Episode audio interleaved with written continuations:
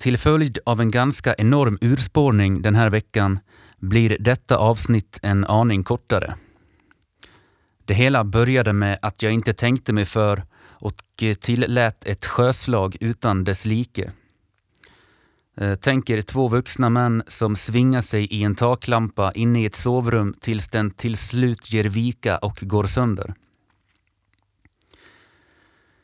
Uh och jag kunde inte ta emot den kritik som följde och fortsatte därför veckan i ett komaliknande tillstånd på golvet i min studio.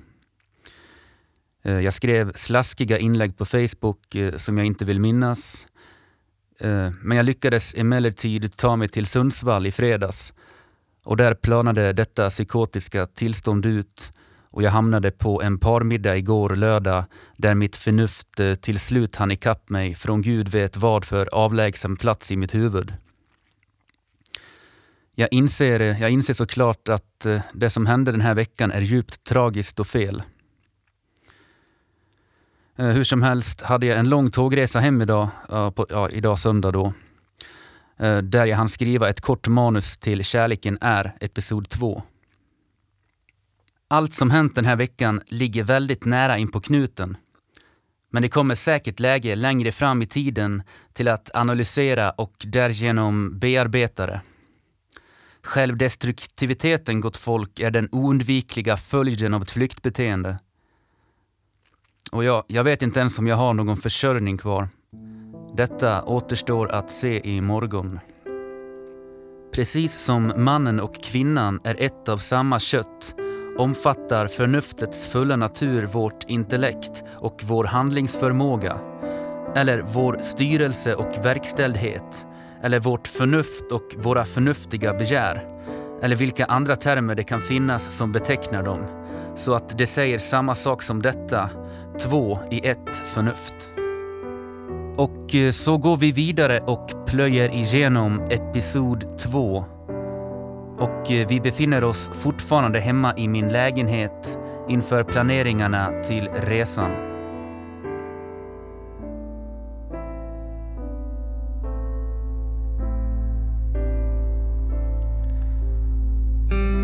Det var alltså en lördag hemma i Borlänge jag hade precis bokat allt som skulle bokas och skulle ta tåget ner till Arlanda på söndag eftermiddag och bo på hotell.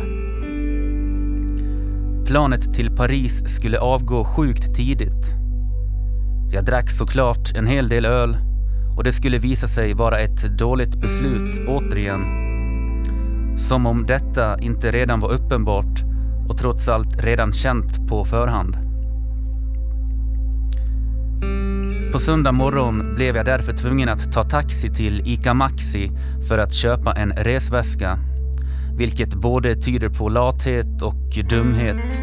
Som vore jag en lodis med på tok för mycket pengar på fickan. Men detta var i alla fall vad som skedde.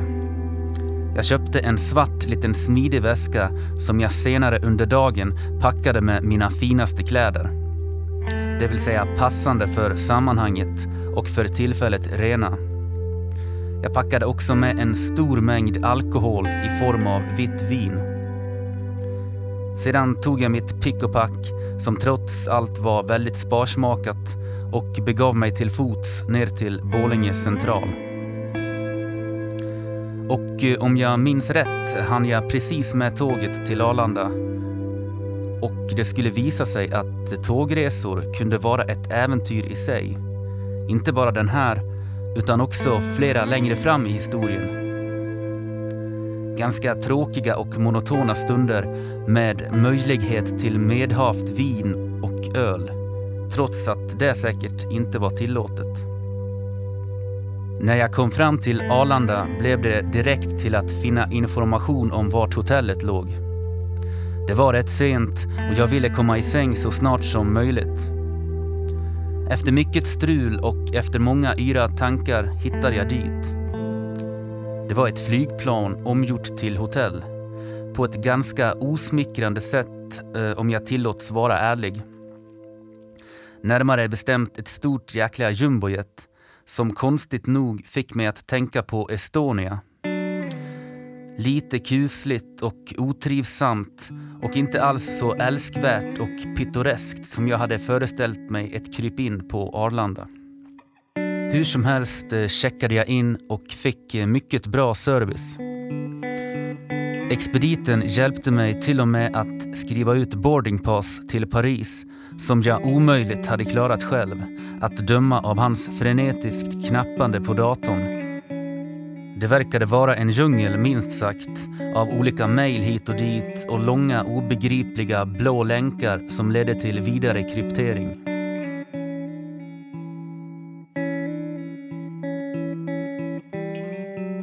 Jag drack mitt vin som jag hade tagit med mig och kollade på Uppdrag granskning på den lilla tvn.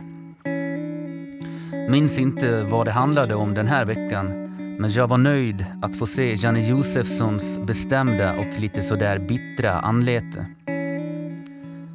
Han är både skrämmande och mysig som en tam grizzlybjörn på Orsa björnpark tänkte jag och föreställde mig att han onekligen kunde slita mig i stycken om jag gick för nära men samtidigt, ja det är ju både svårt och dumdristigt att ta sig över alla stängsel och restriktioner som trots allt finns där.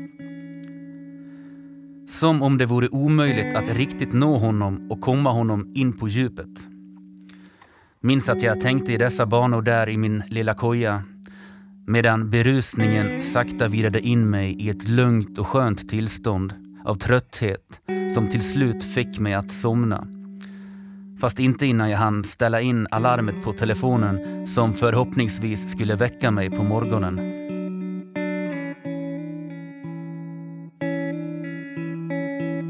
Och det var för övrigt inget som överhuvudtaget var skrivet i sten eller förutbestämt med den här resan förutom avgångstiderna till och från Paris.